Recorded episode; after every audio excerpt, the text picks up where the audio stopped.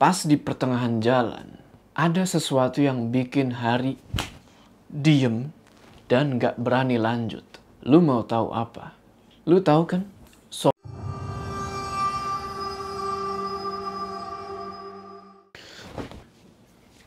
Assalamualaikum teman-teman, balik lagi sama gue Joe. Apa kabar kalian semua? Semoga kalian semua yang menonton video... Ada pesawat.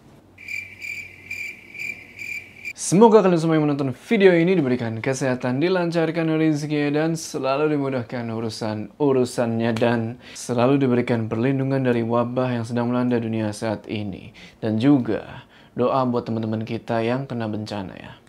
Kembali lagi di pendakian horormu di mana di segmen ini gue akan menceritakan kisah-kisah horor pendakian kalian yang sudah kalian kirimkan ke email gue. Dan gue dapat kesempatan lagi nih buat nyeritain sebuah pengalaman horor di Gunung Gede. Jadi ada pasangan suami istri. Sebut aja nama mereka ini Hari sama Dewi. Ini nama samaran. Di mana mereka berdua ini mendaki ke Gunung Gede via Cibodas. Yang jadi masalah adalah dua orang ini benar-benar pemula. Dan ada satu hal lagi yang bikin pendakian itu makin mencekam. Mau tahu apa? Tonton video ini terus. Gimana? Kaos gue keren kan? Dengan alam, kau akan tahu siapa dirimu sebenarnya. Itu emang bener. Kaos ini tuh bahannya enak banget. Dan desainnya itu keren banget. Dari mana lagi kalau bukan dari Els Montana. Bagi yang mau beli kaos ini, info di deskripsi ya. Cek buru, nanti kehabisan. Udah siap ya? Mode horor aktif.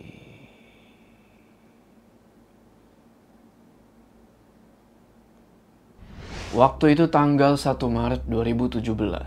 Hari udah sah nih, jadi suaminya Dewi. Dan dua hari setelah pernikahan, istrinya Hari bilang, Yang, kita nggak honeymoon. mau honeymoon ke mana? Aku belum pernah nanjak.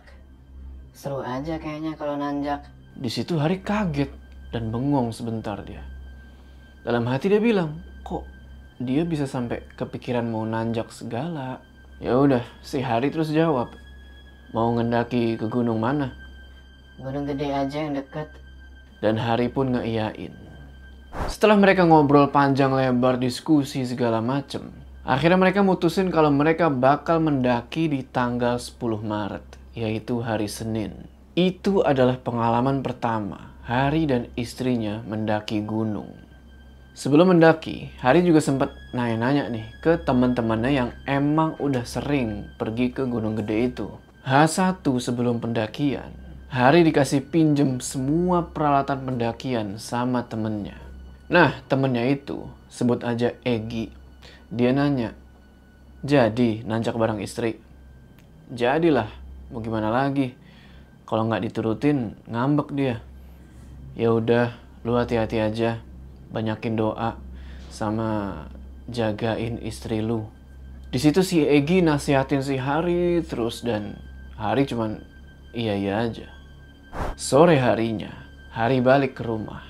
Nyampe rumah, dia ngeliat istrinya itu kayak yang senang banget karena pengen mendaki. Singkat cerita, hari pendakian pun tiba. Berangkatlah mereka dari rumah menuju ke base camp. Jarak dari rumah ke base camp itu sekitar satu setengah jam. Dan mereka berangkat pakai motor. Nyampe base camp itu jam 4 sore. Hari sama istrinya langsung nyari musola nih buat sholat asar. Pas mau sholat, Hari ngeliat kok istrinya itu cuma di luar musola aja, nggak mau masuk. Dalam hati Hari bilang, biarinlah, nanti juga dia masuk ke dalam.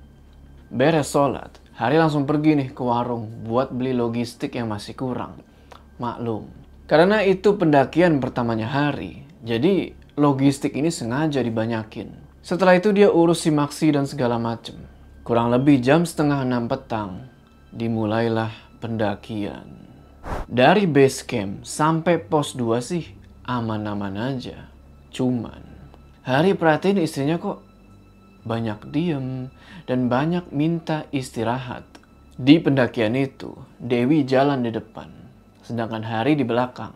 Mereka jalan itu cuman ngikutin jalur aja. Karena beneran, mereka ini sama sekali nggak ngerti arah buat menuju ke pos-pos selanjutnya. Hari cuma bisa doa, berharap supaya nggak terjadi apa-apa sama mereka berdua. Dan dia juga berharap supaya ketemu sama pendaki lain.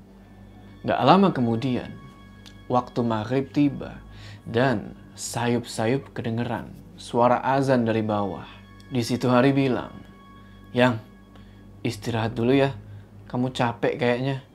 Udah azan maghrib juga tuh, istrinya cuman ngangguk-ngangguk aja. Hari terus mikir, ini anak kenapa? Bukannya dia senang mau mendaki? Di situ Hari mikir positif aja. Mungkin istrinya itu capek. Jadi sebenarnya istrinya Hari ini orangnya parnoan.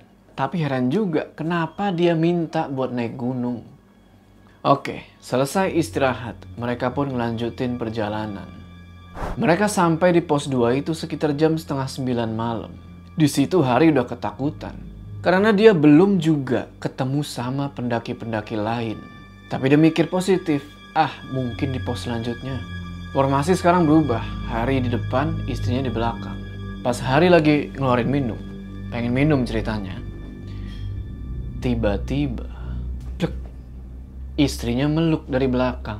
Istrinya itu bilang, Yang, jangan marah ya. Hah?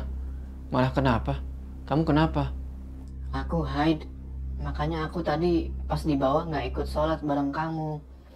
Aku nggak bilang soalnya takut kamu batalin nanjak. Ngedenger itu, Hari diem agak lama. Terus dia bilang, kenapa kamu gak bilang? Bawa pembalut gak? Aku nggak bawa pembalut. Kalau aku beli di warung, nanti ketahuan kalau aku lagi hide. Hari sebenarnya agak kesel di situ. Tapi mau gimana lagi? Hari terus bilang, sekarang maunya gimana? Kita turun aja yuk. Di situ, istrinya malah nangis dan bilang, pokoknya aku mau sampai puncak, nggak mau tahu. Hari agak kasihan juga, cuman campur sama kesel gitu.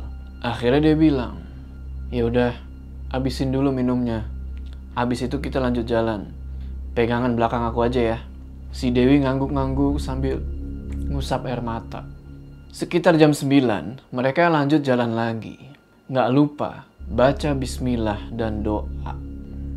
Baru beberapa langkah jalan, tiba-tiba Hari nyium bau aneh.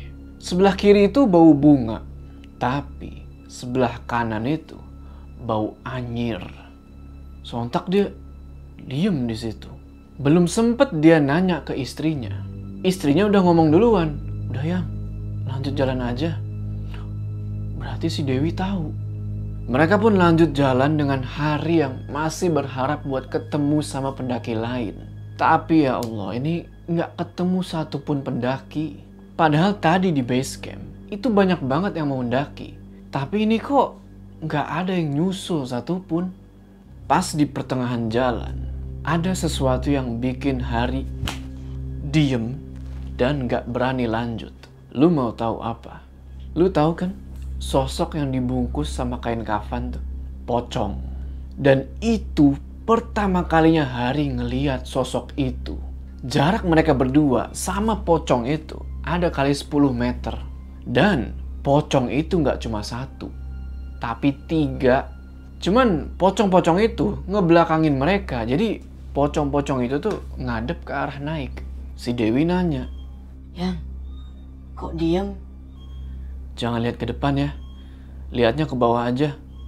Kenapa? Nangis Dewi di situ. Hari bingung mesti ngapain. Hari terus bilang, mau lanjut jalan kan ke puncak? Kalau mau, nurut aja ya. Setelah itu, Hari baca doa sebisa dia dan dengan mengucap bismillah, dia mulai jalan ke depan. Dia jalan tuh sambil ngeliat ke bawah aja gitu. Jalan tuh pelan-pelan. Nah, pas dia papasan sama itu pocong. Hmm, baunya itu bener-bener nggak enak. Bikin mau muntah. Itu kain kafan. Bener-bener kusut dan kotor banget. Di situ Hari nggak berani ngelihat muka itu pocong. Dia terus jalan sambil nunduk. Sampai alhamdulillah mereka berdua berhasil ngelewatin itu pocong. beberapa langkah jalan dari pocong-pocong itu, tiba-tiba si Dewi jatuh dan dia meringis-ringis kesakitan. Sontak Hari nanya, kamu gak apa-apa kan? Istrinya bilang gak apa-apa, cuman kakinya itu berasa kayak ada yang narik. Nah, headlamp yang dipakai Dewi itu mati. Dan juga headlamp yang dipakai sama Hari, cahayanya itu udah mulai redup. Jadi lumayan agak gelap tuh. Pas Hari ngeliat, hmm, yang dibilang Dewi ada yang narik itu ternyata bener. Ada tangan dari pinggir jalur. Itu tangan gede banget. Lagi megang kakinya Dewi. Hari coba lepasin itu tangan sampai akhirnya lepas. Istrinya terus nanya. Itu apaan? Kok lama kamu lepasinnya? Itu cuman akar kok. Makanya kalau jalan hati-hati. Sebelum lanjut jalan, Hari kasih tuh headlamp yang dia pakai ke istrinya. Dan dia mutusin buat make center dari HP aja. Untung masih ada baterainya. Setelah itu mereka lanjut mendaki. Sekitar jam setengah sebelas, mereka berdua sampai di pos 3. Dan di situ mereka agak sedikit lega. Karena mereka ngelihat ada api unggun dan ada pendaki sekitar empat orang. Mereka samperin lah itu pendaki. Dan Hari coba buat ngobrol sama mereka. Ngobrol-ngobrol-ngobrol, ternyata pendaki-pendaki itu berasal dari Jakarta. Sebut aja namanya Bang Ari, Rizal, Eza, sama Ilham. Bang Ari nanya, nanjak sama pacar mas? Bukan bang, ini istri, dia pengen honeymoonnya nanjak katanya. Di situ Bang Ari cuman senyum. Nah, empat orang ini ternyata mau turun. Cuman yang bikin Hari heran, kok turunnya jam segitu? Ngobrol-ngobrol lebih dalam lagi. Ternyata empat orang itu udah tiga hari di Gunung Gede tersebut. Dan mereka lagi ngadain kayak ekspedisi-ekspedisi gitulah. Hari cuman ngangguk-ngangguk aja, walaupun sebenarnya dia nggak ngerti ekspedisi apa maksudnya gitu kan. Sebelum Hari dan Dewi ngelanjutin perjalanan, Bang Ari sempet bisik-bisik ke Hari. Ngasih pesan yang lumayan bikin merinding. Dia bilang, Mas, jagain itu istrinya ya. Jangan sampai lepas atau kepisah. Ada yang suka sama istri mas. Dari tadi dia ngikut terus. Seketika Hari bengong sambil ngeliatin istrinya itu. Hari terus nanya lagi ke Bang Ari. Gimana nih bang? Banyakin doa aja. Pikiran istrimu jangan sampai kosong. Yang ikutin kalian dari bawah bukan cuma satu. Bang Ari bener-bener nekenin ke Hari supaya jangan panik. Jangan putus doa. Pokoknya doa aja terus. Setelah itu, Hari dan istrinya pun ngelanjutin pendakian. Gak lupa, pamitan dulu sama Bang Ari dan yang lainnya. Mereka saling doain satu sama lain tuh. Bang Ari senyum di situ, tapi senyumnya itu kayak yang kasihan. Dalam hati Hari bilang, bener nggak ya apa yang dibilang sama Bang Ari tadi? Dia ngelihat muka istrinya itu udah kayak yang capek banget. Di tengah-tengah perjalanan, Hari tiba-tiba berhenti dan dia ngelihat ke atas pohon. Lo mau tahu apa yang ada di atas pohon itu? Di atas pohon itu ada cewek baju putih, rambut panjang, mukanya jelek banget. Hari mikir, apa itu yang namanya kuntilanak? Dan dia bingung di situ, kenapa kok tiba-tiba dia bisa ngeliat makhluk-makhluk kayak gitu. Pas lagi diem gitu, Dewi bilang, Kok diem lagi? Ayo jalan. Aku juga lihat kok. Gak apa-apa, jalan aja ayo. Ingat, baca doa. dalam hati Hari bilang, lah dia ngeliat juga. Tapi kok kayak yang biasa aja. Lanjut jalan lagi. Sepanjang perjalanan, Hari ngedenger suara-suara yang manggil-manggil namanya dan nama istrinya. Juga makin lama, penampakan-penampakan itu makin banyak. Hal itu sempat bikin Hari down dan pengen nangis. Jam satu malam, akhirnya mereka berdua sampai juga nih di kandang badak. Kata temennya Hari, kalau mau ngecamp ya di situ aja. Akhirnya dia coba pasang tenda. Sedangkan Dewi bikin kopi sama bikin mie buat mereka berdua makan. Rencana mereka mau istirahat di situ sekitar 2 sampai 3 jam. Soalnya si Dewi pengen sampai puncak pas sunrise. Singkat cerita, setelah makan, Hari pun masang alarm buat nanti. Dan istrinya langsung tidur, pules banget. Di situ Hari ngantuk sebenarnya, cuman dia inisiatif buat nggak tidur. Karena dia masih kepikiran sama apa yang dibilang Bang Ari tadi. Oh iya, satu lagi hal yang bikin Hari bingung dan takut. Katanya tempat camp para pendaki Gunung Gede via Cibodas itu biasanya di kandang badak.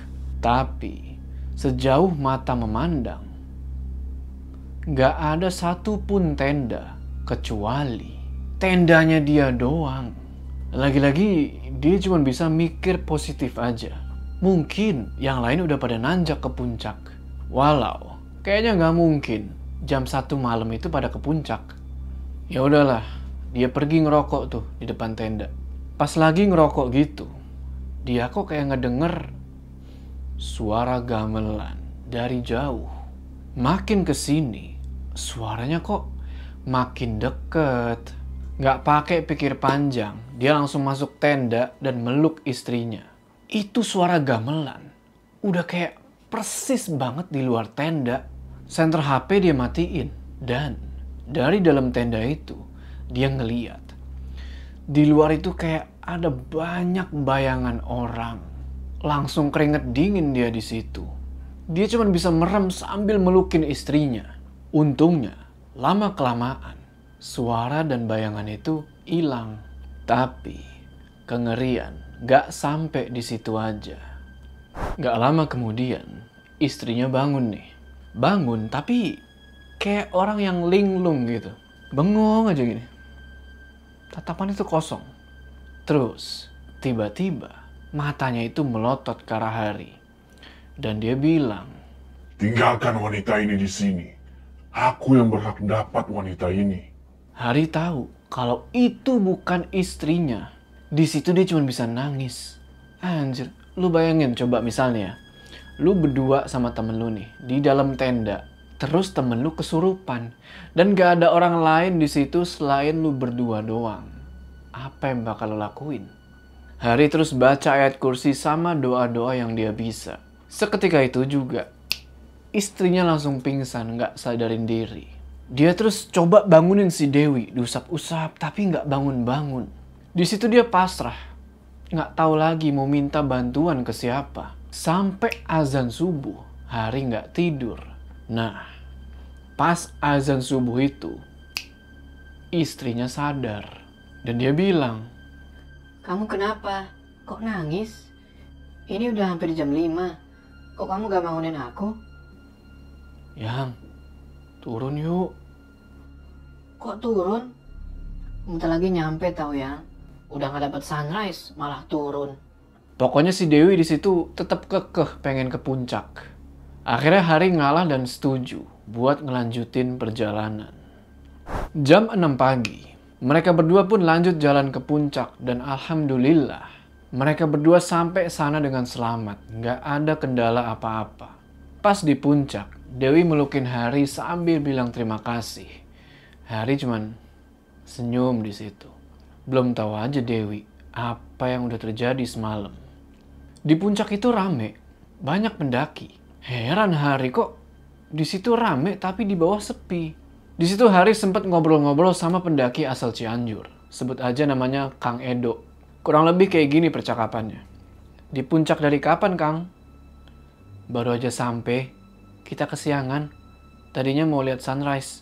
Kita camp di kandang badak sekitar jam 12. Eh, malah kebangun jam 5 subuh. Seriusan, Kang, ngecamp di kandang badak? Iya, serius. Banyak kok yang camp di kandang badak. Emangnya si AA ngecamp di mana? Terus di puncak jam berapa? Oh, uh, saya dari subuh kok Kang di puncak. Dalam hati Hari bilang, Terus malam, gua ngecamp di mana? Selesai menikmati puncak, Hari dan Dewi pun turun bareng sama rombongannya Kang Edo. Dan alhamdulillah di perjalanan turun itu gak ada halangan apa-apa. Sesampainya di base camp, mereka berdua langsung bersih-bersih dan segala macem lah. Sebelum mereka berdua pulang ke rumah, gak lupa mereka pamitan sama rombongannya Kang Edo. Singkat cerita, pulanglah mereka tuh dan baru sampai rumah lagi itu jam 8 malam. Sampai di rumah itu, Hari masih kepikiran sama omongannya Bang Ari. Dan satu pertanyaan yang masih belum kejawab. Malam itu dia camp di mana? Akhirnya besok pagi dia pergi ke rumah seorang ustadz atau sesepuh di tempat dia tinggal. Dan Hari ceritain lah tuh apa yang udah dia alamin sama istrinya di Gunung Gede itu. Setelah itu ustadz tersebut ngasih sebuah botol yang berisi air. Kayaknya itu air udah didoain. Sang ustadz berpesan buat nyuruh istrinya Hari minum air itu. Tapi jangan semua. Sisa air itu nanti dicampurin sama air di bak mandi. Jadi nanti bisa dipakai mandi. Supaya makhluk itu kembali ke alamnya. Ternyata beliau udah tahu. Setelah itu Hari pun pamit pulang. Di rumah, Hari langsung nyuruh istrinya buat minum dan pakai mandi air di botol itu. Malamnya pas sholat maghrib, Hari ketemu lagi sama Pak Ustadz yang tadi. Dan Hari cerita kalau dia udah ngelakuin apa yang diminta. Ustadz itu bilang, Tenang, istri kamu baik-baik saja. Tidak ada lagi yang mengganggu. Tapi jangan putus doa dan jaga istri kamu. Banyak makhluk dari golongan jin yang suka sama istri kamu. Oke teman-teman, gimana tuh tadi ceritanya? Tulis pendapat kalian di kolom komentar ya. Sebelum kita berpisah, jangan lupa kalian like video ini dan bagi yang belum subscribe, ayo subscribe sekarang ke channel ini supaya kalian gak ketinggalan apa cerita-cerita horor selanjutnya. Gua Jo, sampai ketemu di cerita selanjutnya.